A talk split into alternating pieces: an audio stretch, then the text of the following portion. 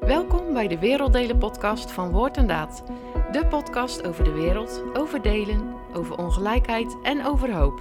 Over grote problemen en klein leed. Over groot beleid en kleine lichtpuntjes. Welkom bij een nieuwe aflevering van de Werelddelen podcast. We spreken vandaag met Rina Molenaar, directeur-bestuurder bij Woord en Daad. We hebben het over de diepere drijfveren van ontwikkelingssamenwerking. Het thema voor vandaag? Het waarom van armoedebestrijding. Rina, hartelijk welkom in de podcast. Dankjewel. Veel mensen zullen jou al kennen, maar we weten nog niet met welk voorwerp je hier naartoe bent gekomen. Kun je jezelf voorstellen aan de hand van een voorwerp? Dat kan ik zeker. Ik heb uh, allerlei zaadjes hier op tafel liggen. En uh, een daarvan is een heel bijzonder zaadje. En dat heeft alles te maken met de ontstaansgeschiedenis van Woord en Daad. Er zit een kort verhaal bij. Meneer Het Lam die heeft Woord en Daad opgericht, uh, 47 jaar geleden. Bijna 48 jaar. Tot zijn dood heb ik eigenlijk heel goed contact met hem gehad. En één keer in de zes, acht weken ging ik altijd potjes Scrabble met hem spelen. Of naar zijn mooie huis met een prachtige tuin. En hij had één liefde en dat was tuinieren. En dat heeft hij uh, ook wel bij mij overgebracht. Ik had het al, maar uh, het is door hem niet minder geworden. Ja. En elk jaar gaf hij dit zaadje aan mij. En dat is het zaadje van de wonderboom. Als je googelt, dan kom je ook de wonderboom tegen. Een hele mooie struik wordt dat. Het is een eenjarige plant die dan heel hard uit de grond schiet. En prachtige vruchten laat zien. En als je het goed doet, dat lukt mij elk jaar niet. Dus ik moet toch elke keer naar Intratuin om die bonen te kopen. Maar meneer het Lam, die kon dan uit, uit die mooie rode vruchten kon hij dan die uh, bonen halen. En dan uh, had hij weer voor het volgende jaar mooie planten. En hij, uh, hij, hij koppelde dat altijd aan woord en daad. Hè? Het is heel klein begonnen in zijn huis met het verkopen van handdoeken, van olifantjes. En kinderen kunnen daar altijd nog heel levendig over vertellen. En dan zei hij altijd tegen mij, wat mooi Rina, dat jij nu dat grote woord en daad mag leiden en dat ik daar nog steeds een onderdeel van mag zijn. Want hij kwam tot zijn dood ook nog altijd als vrijwilliger een paar keer in de week op het kantoor vrijwilligerswerk doen. Mooi. Ja. Oh, dat is wel echt heel mooi. Mooi voorbeeld ook. Zeker. Ja, dus als we ja. een zaadje in de grond stoppen dit voorjaar, dan denken we ook aan hoe, uh, hoe kleine dingen heel groot kunnen worden. Ja, precies. Ja. En ook als je gewoon bij, bij, bij, mensen die, die je tegenkomt in je werk, in Afrika of Midden-Amerika, dan moet ik ook heel vaak aan dat zaadje van meneer het Lam denken. Ja, het begint heel een, klein, maar het kan iets heel moois worden. Toepasselijk voorbeeld. Leuk. Nou, meneer Lam heeft dus 47 jaar geleden Woord en opgericht. En uh, hoe, wanneer is jouw verhaal met Woord en begonnen? Uh, dat was al best wel uh, uh, lang, want ik weet nog wel dat wij voorlichting kregen bij Woord en Daad op school. Maar um, ik heb een vader die in heel veel besturen heeft gezeten van verschillende organisaties, waaronder ook Woord en Daad.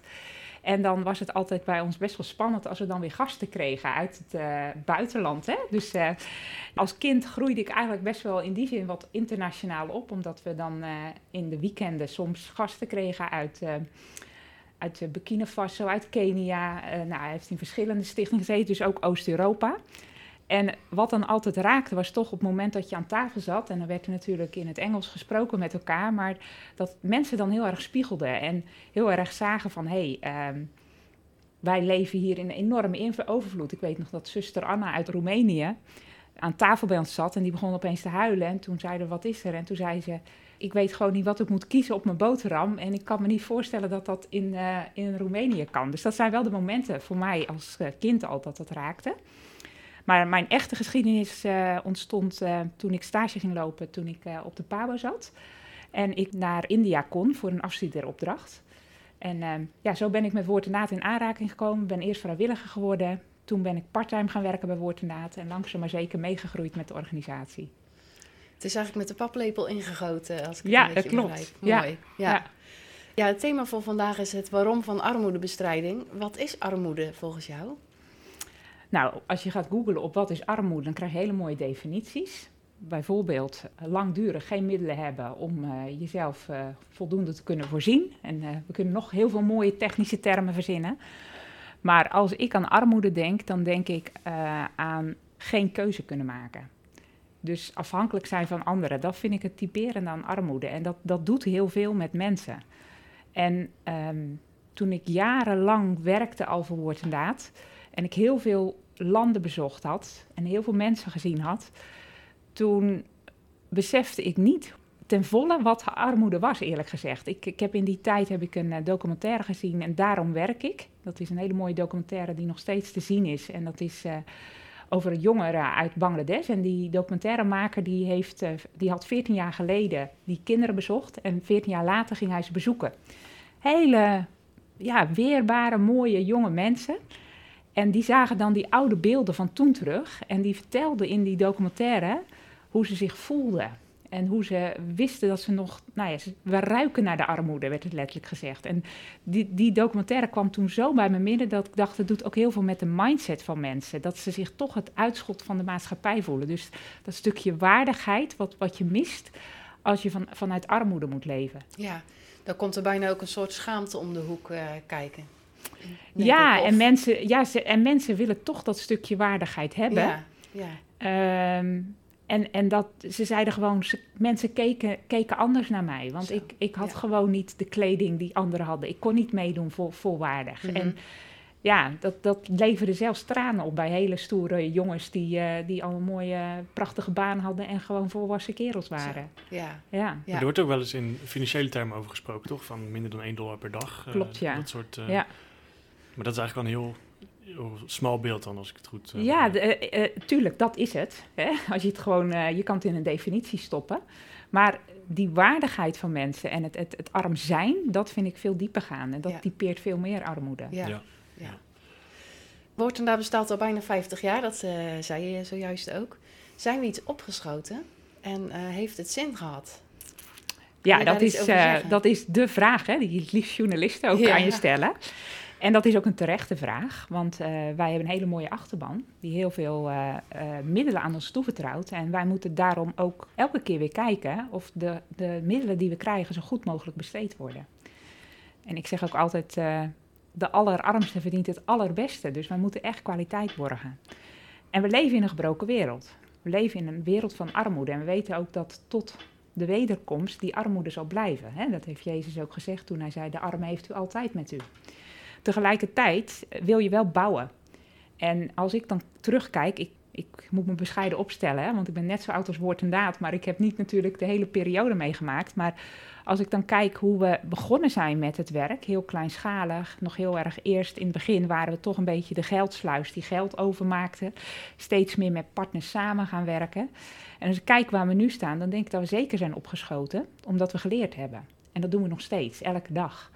En wat is dan die verandering? Nou, dan kan je op landenniveau zeggen, je ziet dat landen vooruit gegaan zijn. Bijvoorbeeld Thailand, waar we jarenlang gezeten hebben, waar we nu langzaam maar zeker uitfaseren, omdat we zien, uh, uitgefaseerd zijn, omdat we zagen, die partners kunnen het zelf doen. In India, waar het op dit moment verschrikkelijk is rond COVID en we nog steeds partners steunen, zijn we ook aan het kijken hoe we daar stappen kunnen zetten.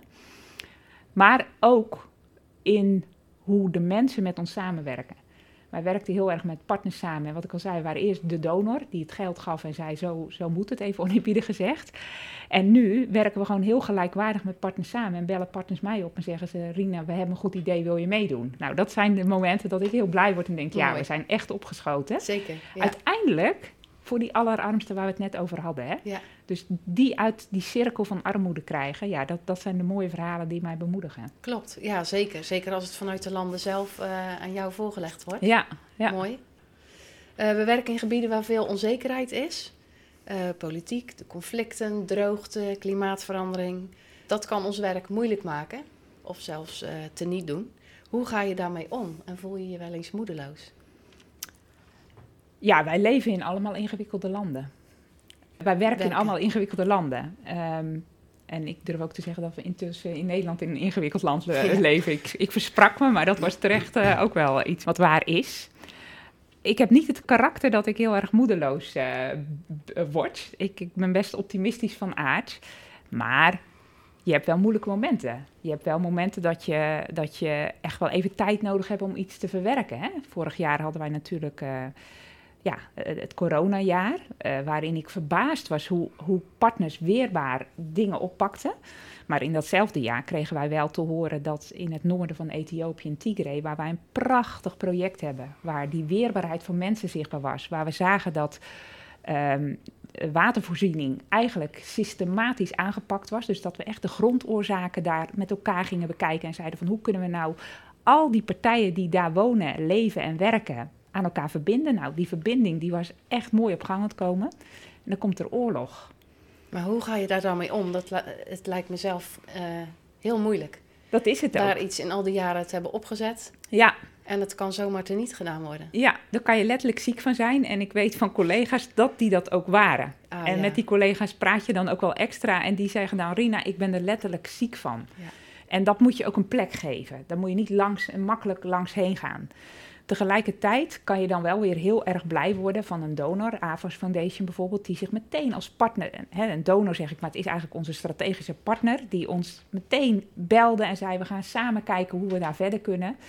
Je wordt ook heel blij als je uiteindelijk hoort vanuit de oorlog hè, verschrikkelijke dingen die ik nog steeds zie en waar je echt heel verdrietig van kan worden, maar toch mensen met wie we samenwerkten die er nog zijn en die toch weer heel weerbaar proberen een boeltje bij elkaar te pakken en weer door te gaan. Maar die teleurstellingen zijn er. Die moet je niet uh, makkelijk uit de weg gaan. Nou, er zijn heel veel organisaties actief in ontwikkelingssamenwerking in Nederland, maar bijvoorbeeld ook vanuit de VN. Soms ook met veel grotere budgetten en projecten. Wat is dan de toegevoegde waarde van Woord en Daad? Wij zijn een achterbanorganisatie. En dat zeg ik heel trots. Uh, wij doen ons werk namens die achterban. En wij hebben, meneer Het Lam heeft ooit de keuze gemaakt uh, met, met alle mannen en vrouwen van het begin om met lokale partners te werken.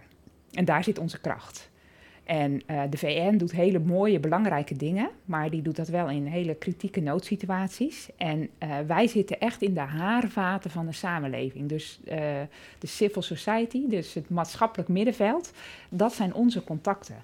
Ja, en als je dan kijkt van wa waar verschilt wordt inderdaad, neem ik even een heel concreet voorbeeld in Burkina Faso. Ontzettend veel problemen, uh, geweld, de Sahel, de droogte, klimaat, uh, jeugdwerkeloosheid. Op het moment dat er op regeringsniveau dan plannen gemaakt worden, dan zeggen mensen wel, ja, maar wij kunnen dat niet doen. We hebben de mensen nodig die, die in de samenleving al mooie plannen en ideeën daarbij hebben. En dan vind ik het heel mooi om te zien dat we zowel op onderwijsniveau als op werkgelegenheidsniveau met die regering aan tafel zitten en onze toegevoegde waarde kunnen laten zien. Dus ja, je hebt, je hebt elkaar allemaal nodig, maar blijf bij je leest. Hè? Schoenmaker blijft bij je leest. Dus blijf als woord inderdaad niet zoeken naar het grote, maar juist naar de kracht die je hebt met die lokale partners en dat lokale ne netwerk. En hoe komt Woord inderdaad in contact met die lokale partners of dat lokale netwerk? Ja, toch door, door onze lokale partners die hele goede contacten hebben. Dus die zelf lobby doen uh, richting die overheid. Die uh, he heel mooi al aan tafel zitten en zeggen ja, wij hebben woord en daad die ons als makelaar bij elkaar brengt. En wat is de toegevoegde waarde van woord en daad? Met zo'n bestaand netwerk ben je ook continu aan het, hen aan het uitdagen en aan het kijken... heb jij nu met alle partijen contact waar je contact mee moet hebben... om die grondoorzaak van dat, van dat probleem aan te pakken. Dan komen we eigenlijk op systeemverandering. Ja, Kan je inderdaad. daar iets over zeggen nog? Ja, dat is wel een les die we de laatste jaren geleerd hebben. Wij hadden altijd één op één bilaterale contacten met partners... Uh, en, en runden projecten, oneerbiedig gezegd. Wij evalueren ons werk, omdat de allerarmste het allerbeste verdient. En toen zagen wij wel van, ja, wil je echt impact maken, dan moet je uh, je aanpak veranderen. Concreet voorbeeld, een docent gaf een training in, in de stad, die ging terug naar het platteland. En de evaluator kwam en die zei, ja, beste woord en daad, die training die verdampte na drie maanden, want die school was zich niet bewust wat hij wat geleerd had in de stad. Nou, even een heel eenvoudig voorbeeld is het, maar daardoor zeiden we wel van, ja, wat dan wel? Ja, je moet een netwerk van scholen, je moet een sector van, van, van educatie aanpakken. En dan heb je andere partijen nodig. Dus dan hebben we nog steeds die christelijke lokale partners nodig, maar dan hebben we ook lokale overheden nodig en uh, trainingsinstituten of um, onderwijsadviesdiensten. En daardoor ga je veel breder met elkaar samenwerken om uiteindelijk die grondoorzaak aan te pakken en het systeem wat niet werkt, werkend te krijgen. Ja, mooi voorbeeld. Ik zeg het even heel snel, maar Ja, dat duurt dus heel lang. Hè? Ja, dat, ja, dat ja, is, dat eh, is lange adem. Werken, denk Ja. ik. Want Ja. eigenlijk kom je op een, op een hogere schaal terecht in zo'n systeem dan. Hè? Maar hebben we ook dan nog steeds wel dat directe contact met die, eh, ja, de armen, zeg maar, Ja, de doelgroep? dus wij hebben nog steeds een sponsorprogramma. En ik kan tegen alle sponsors zeggen eh, die hier een kind sponsoren. Dankzij deze aanpak willen wij ervoor zorgen dat uw kind wat u sponsort de hele school afmaakt. En niet halverwege afbreekt, maar goed onderwijs krijgt. En kan lezen en schrijven als ze van school afkomen. Dat is wat je wilt. Maar heel, heel, heel terecht, Rijnke, wat jij zegt. Blijf die ene individu wel elke keer op netvlies houden. Want daar doe je het voor. Zeker, ja. Je bent meerdere malen in Haiti geweest. En je hebt er ook een boek over geschreven. Eh, je hebt iets met dat land. Maar tegelijkertijd zeggen Haitianen dat hulp hun land kapot heeft gemaakt. Hoe zie jij dat? Ja, ik heb een kinderboek geschreven. Laat ik even bescheiden blijven, want anders klinkt het heel groot. En ik heb inderdaad iets met het land, als ook andere landen. Wat ik heel lastig vind, is om, om over een land te praten. Ik voel me altijd dan een beetje ongemakkelijk worden. Dan denk ik, ja, ik kan hele grote dingen zeggen, maar ik ben slechts buitenstaande. Dus dat is even de disclaimer die ik vooraf neerleg. Uh, maar inderdaad heb ik me wel wat meer in Haiti verdiept. En afgelopen week stond er weer een groot artikel in het Nederlands Dagblad. Ik weet niet of jullie het gezien hebben, maar uh, van uh, Marcel Katsburg, die in Haiti gewoond heeft. Die zich echt heel erg in die cultuur en in dat land verdiept heeft. En daar zie je eigenlijk wel wat de problemen van Haiti zijn. Hè, dat is toch het falende overheidsbeleid, een, een, een president en een regering die zijn verantwoordelijkheid niet pakt. Maar ook de hulp van buitenaf die over de hoofden van mensen is uitgestrooid. En toen ik um, net na de aardbeving daarheen ging, toen heb ik ook hele trieste voorbeelden gezien van um, ziekenhuizen die door Haitianen werden gerund, maar waar buitenlandse artsen uh, de Haitiaanse dokter weg, uh, wegdreef en zelf het ging runnen met een tolknotenbenen bij. Ja, dat zijn wel de voorbeelden waar je, waar je eigenlijk pijn in je hoofd van krijgt. Tegelijkertijd vind ik dat het land, en dat stond ook in het artikel in het ND, en dat herken ik heel erg, dat het land heel veel jongeren heeft die visie voor het land hebben. Die niet bij de pakken neerzitten, die weerbaar zijn en die, die heel duidelijk iets willen veranderen.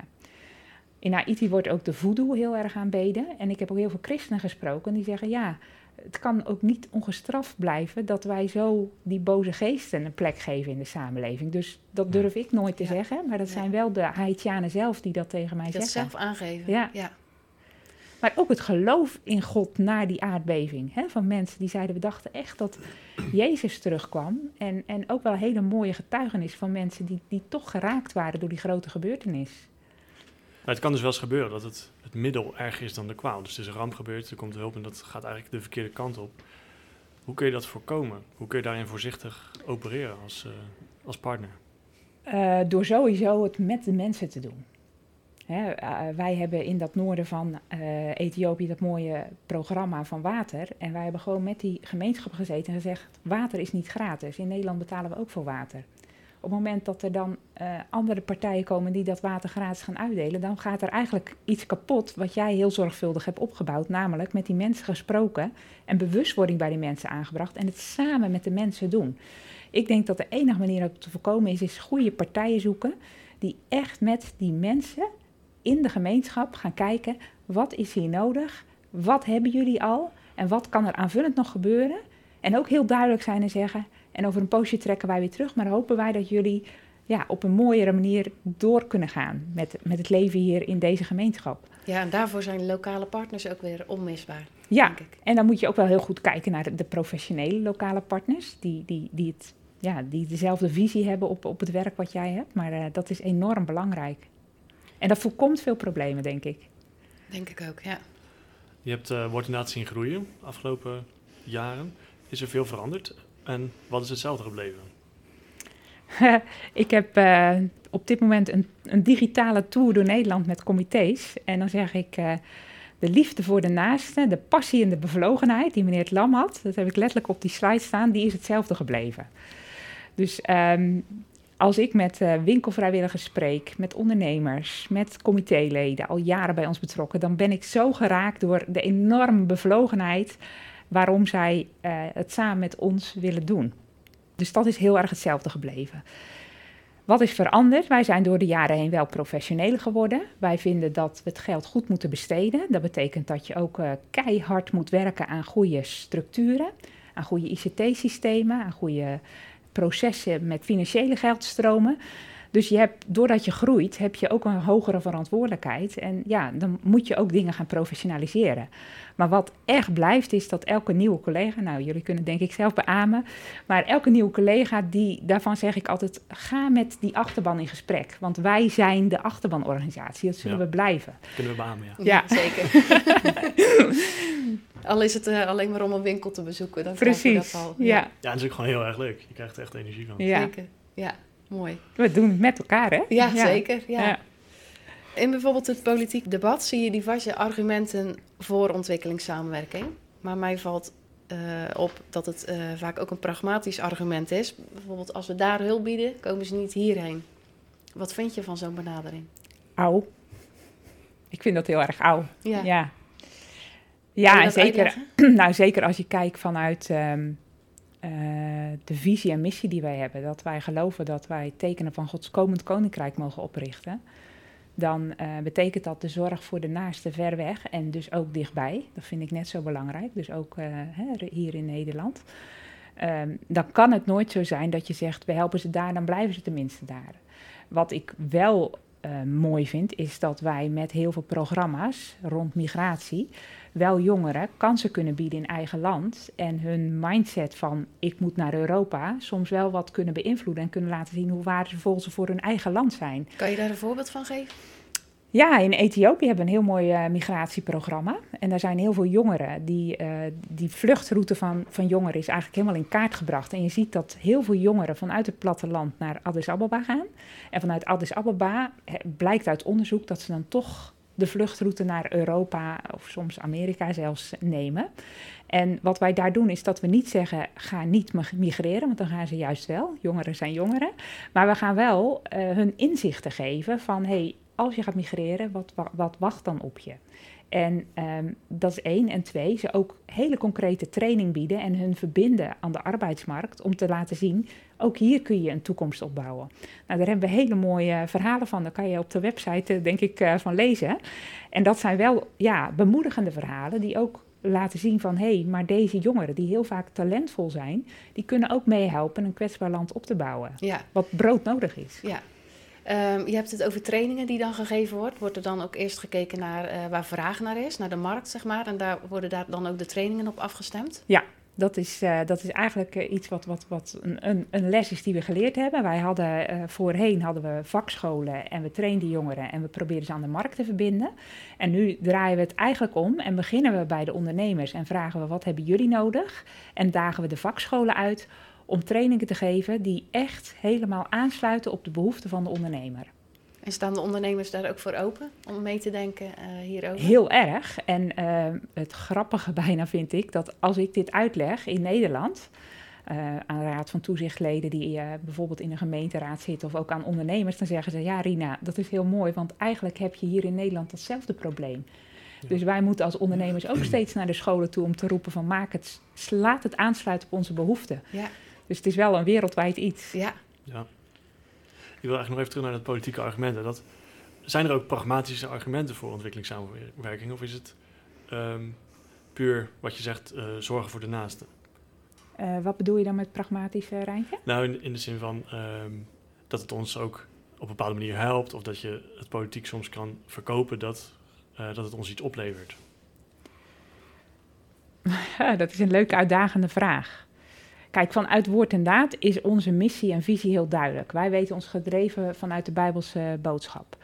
Soms helpt het wel als je juist iemand die niets met ontwikkelingssamenwerking heeft, kan overtuigen dat. eh, laat ik het voorbeeld nemen van vaccineren. Hè? ja, dat Mensen die- ik ook precies aan te denken. ja, mensen roepen dan als eerste, zorg eerst dat in Nederland gevaccineerd wordt. Nou, het is overduidelijk dat als je het niet wereldwijd aanpakt, dat het virus onder ons blijft. En dat, dat je in Nederland er ook last van hebt.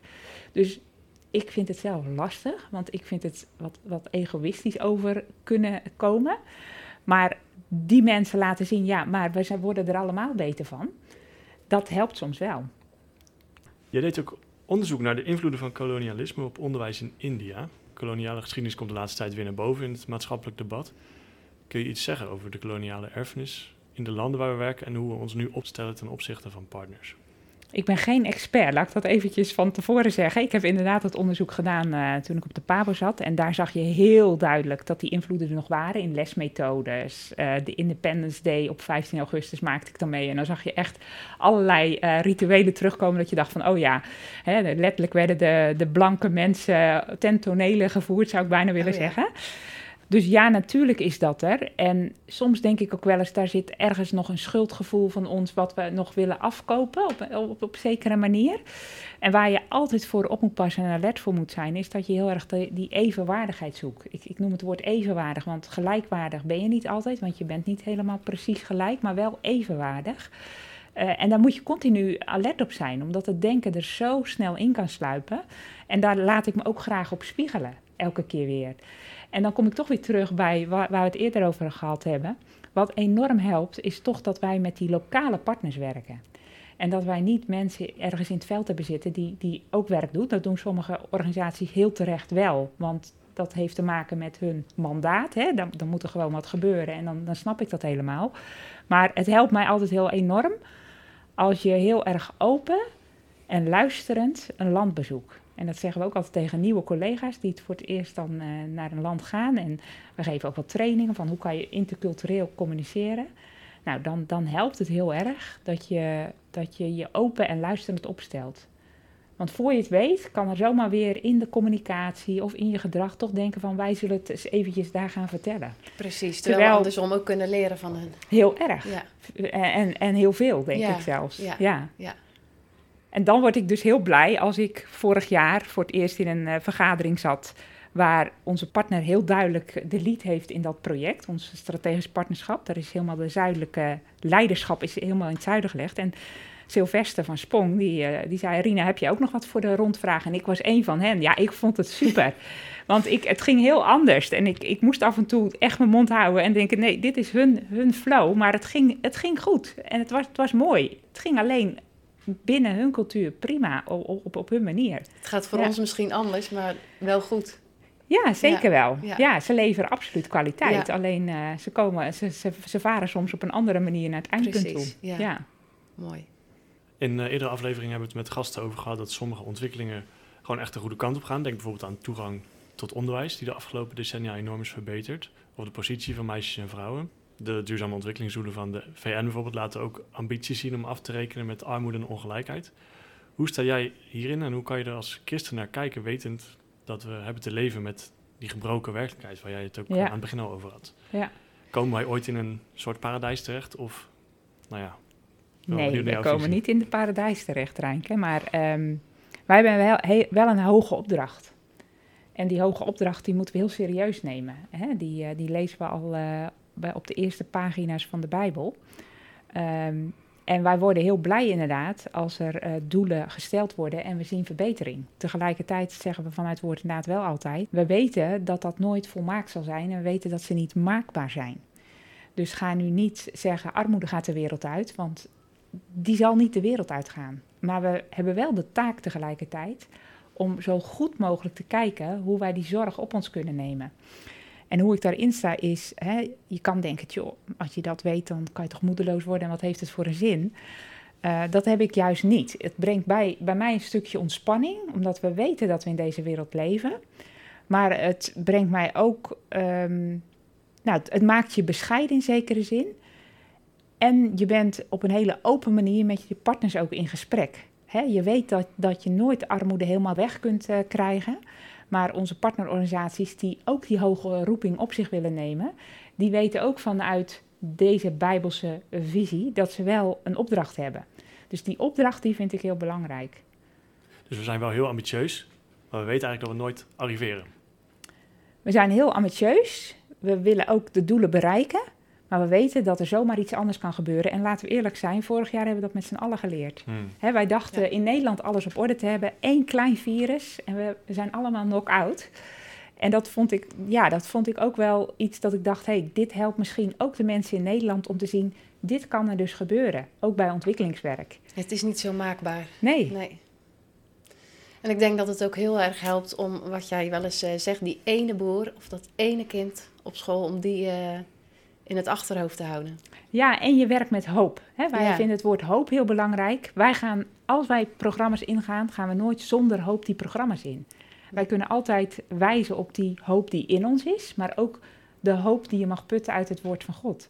En dat is heel heel blijmoedig je werk doen in soms hele verdrietige omstandigheden. Klopt, ja. uh, maar je gaat niet met een lege rugzak ergens naartoe. Je hebt, je hebt iets te brengen. Je kan die hoop ook weer uitdelen. Ja. ja. ja. Mooi. En je krijgt soms onverwachts die hoop heel hard terug. Ja, ook dat. Ja. Je bent directeur-bestuurder en je houdt je bezig met de hoofdlijnen. Je spreekt ook veel op strategisch niveau met uh, bijvoorbeeld partners. Kan het werk jou nog raken? Je moet bijna vragen, kan het werk je niet raken? want ja, dat raakt mij elke keer weer. En dat heeft wel te maken met hoe ik ook zelf wel in het leven sta. Want ik ben met hele grote dingen bezig. Maar hè, toen ik eh, in deze functie kwam, dacht ik wel van... ik wil gewoon minimaal één keer in de week met iemand uit de achterban of een partner spreken. Dus ik blijf heel dicht bij de mensen staan. En ja, dan kan je ook vanuit die functie echt soms met natte ogen ergens wegrijden. Dat je echt denkt van, jongen, dit mag ik doen, maar dit is wel, dit is wel heel heftig wat ik hier zie. Dit is, dit is heel intens. En dat is ook na, na 18, 19 jaar nog steeds dezelfde intensiteit. Ik, ik kom nog steeds wel eens terug van een reis dat ik gewoon echt eventjes bij moet komen en het op, op rij moet krijgen. Alle indrukken verwerken. Ja. ja. Kun je daar misschien een verhaal over vertellen die is bijgebleven? Een ervaring? Ja, ik heb heel veel verhalen, moet ik zeggen. Ehm, maar ehm, wat mij heel erg raakte een paar jaar geleden, dat was ehm, dat ik een uh, bezoek bracht aan uh, Bangladesh. En in die tijd werkten we nog heel erg aan de, de vrouwen die in de prostitutie komen. We probeerden hen te reïntegreren in de maatschappij. Dus meteen een voorbeeld van dat je soms ook moet evalueren, moet kijken, ben ik hier echt goed in? Of moet je hier een expertorganisatie op, op, op, op toesturen? Want wij merkten dat wij juist dat stigma wat er rondom die vrouwen was, dat we dat eigenlijk niet overzagen. En we hebben uiteindelijk hier echt met een andere partij die er veel meer ervaring mee had en ook op counseling hebben we het, project overgedragen. Maar wat mij daar heel erg raakte was dat ik met Mark Munshi uit Bangladesh en uh, mijn oud-collega Dickie Nieuwenhuis um, gingen wij naar uh, een bordeel toe. Nou, dat vond ik sowieso wel heftig. En um, daar kwam ik hele jonge meisjes tegen die uh, gewoon net, net daar gebracht waren ja, ik heb die nacht echt niet geslapen. Ik was gewoon echt er ziek van. ziek van worden, um, ja. Diezelfde middag ging ik wel ook gesprekken doen met, uh, met vrouwen die als meisje de prostitutie in waren, uh, terecht waren gekomen. En die nu een bestaan opbouwden. Was in zekere zin echt hoopvol. Maar wat mij het meeste raakte was dat die vrouwen toen ze een verhaal deden en ik vragen stelde, dat ik heel erg besefte, maar jij bent nooit kind geweest. Want je was zes en je kwam in deze situatie terecht. ja, dat, dat, dat, dat heeft me heel lang bezig gehouden. En ik moest door omstandigheden daarna direct door naar de Filipijnen, waar een uh, orkaan was en waar we met uh, andere organisaties de situatie zouden bekijken. En achteraf dacht ik, ja, dat was bijna te veel. Want ja. toen kwam ik thuis en toen heb ik echt een mijn moeder zorgt dan altijd voor, voor een lekkere Hollandse maaltijd. En die zei, vertel, vertel eens wat. Ik kon gewoon, ik, ik, het zat helemaal vast. Ik heb echt een tijdje het even moeten laten zinken voordat ik hierover kon praten. Heftig hoor. Ja. ja. ja. Je maakt dan van die schrijnende dingen mee. Maar dat, uh, des te mooier dat wij ook weer hoop kunnen brengen. Ja, en dat je ook wel, kijk, in dit verhaal kreeg ik een klein sprankje hoop. Maar ja, je hebt, je hebt ook momenten dat je in het achterland van Burkina zit en dat je met boeren zit die allemaal mislukte oogsten hebben. Door droogte of door overstroming, door de klimaatverandering. En die mij dan vertellen, ja, maar ik, ik mag toch me in God verheugen. Ja, weet je, dan heb je ook weer verrassingen. Ja, want je hebt natuurlijk ook met je enkels in de modder gestaan en uh, met je voeten in de opengescheurde aarde. Dus je hebt van heel dichtbij ook die extreme meegemaakt. Ja, dat klopt dat kan best. En dan eh, ben ik slechts een voorbijganger, hè? Want uh, zij blijven achter en jij gaat weer verder. Ja. ja. We kijken naar best wel complexe problemen natuurlijk. Uh, in ieder land weer een heel specifieke context. We voelen ons geroepen om daar ons steentje bij te dragen. En sommige problemen zijn ook voorlopig de wereld niet uit. Zie jij wel een weg vooruit uit armoede? Ja, en dat heeft wel te maken met wat we net al met dat dure woord systeemverandering uh, noemden daar heeft het wel mee te maken. Ik denk dat we elke keer weer leren. En dat we blijven leren. En, en, dat moet, en zo moet je je werk ook doen. Ik zie wel dat nu wij niet meer alleen met een NGO-sector werken, maar ook met, uh, met een private sector, met overheden, met kennisinstituten, zie je dat er andere dynamieken ontstaan en dat er andere veranderingen komen. Dus wij leren. En misschien uh, hè, uh, by God's grace zeggen de Afrikanen dan. Maar stel dat we over een paar jaar hier weer zitten, dan zeg ik misschien weer andere dingen die we geleerd hebben. Maar zo, zolang we ons open opstellen, blijven leren en ons werk blijven verbeteren, dan denk ik echt wel dat er eh, mooie verhalen te vertellen zijn. En wij zien ook letterlijk dat er veranderingen plaatsvinden in de projecten die we draaien. En de, de programma's die we doen. Dat, dat- daar zien we gewoon hele mooie dingen gebeuren. Mooi. Mooi, ja. ja. Ik denk dat we al bij de laatste vraag zijn aangekomen. Of had jij nog iets te denken? Nee. Ehm, nou, de laatste vraag die we altijd stellen aan de gasten is: wat motiveert je om je werk te doen? Zou jij daar iets over kunnen zeggen? Ja, nou, ik denk dat het uiteindelijk ook mijn opvoeding is. Mijn vader en moeder, die me de liefde voor onze naasten hebben bijgebracht. Mijn moeder in de keuken, aan de keukentafel, waar iedereen uit de buurt kwam. En dat was, eh, nou ja, ongeacht wie je ook was, je kon bij eh Moe Molenaar aan de tafel zitten. Mooi. Eh, dus dat, dat, dat is iets wat ik heel erg heb meegekregen. Ehm, en ook hè, in, in de kerkelijke gemeente. Ehm, we moesten bijvoorbeeld, als, als ik jarig was, dan zei mijn moeder altijd van... nou, je mag kinderen uitkiezen. En dan had ik hele lijstje klaar. En zei ze, en wie heeft er nooit een uitnodiging dit jaar gehad? En dan moest ik dat kindje ook uitkiezen. Dus Ja. dat zat al gewoon in de opvoeding. Ehm, maar wat mij nu motiveert, dat zijn de mensen. En dat zijn jullie als collega's, waar je het samen mee doet. Dat vind ik onwijs mooi om, om gewoon met elkaar die verbondenheid te voelen. En elke maandagmorgen te beginnen vanuit Gods woord en de week weer af te sluiten. Maar dat is ook de winkelvrijwilliger eh, die ik tegenkom bij een opening van een winkel of een winkel die open is. De ondernemer. Maar uiteindelijk ook Maria uit Colombia of ehm Abraham uit Burkina, ik noem het maar. Ja, Dus ja. de mensen. Dat is denk Ja. ik het antwoord. Klopt. Ja. Mooi. Mooi, dankjewel voor het gesprek. Dankjewel. Ja, jullie ook bedankt. Bedankt dat je luisterde naar deze podcast. Heb je vragen of suggesties voor de volgende aflevering? Neem contact op via podcast.woordendaad.nl. Over twee weken zijn we er weer. Tot dan!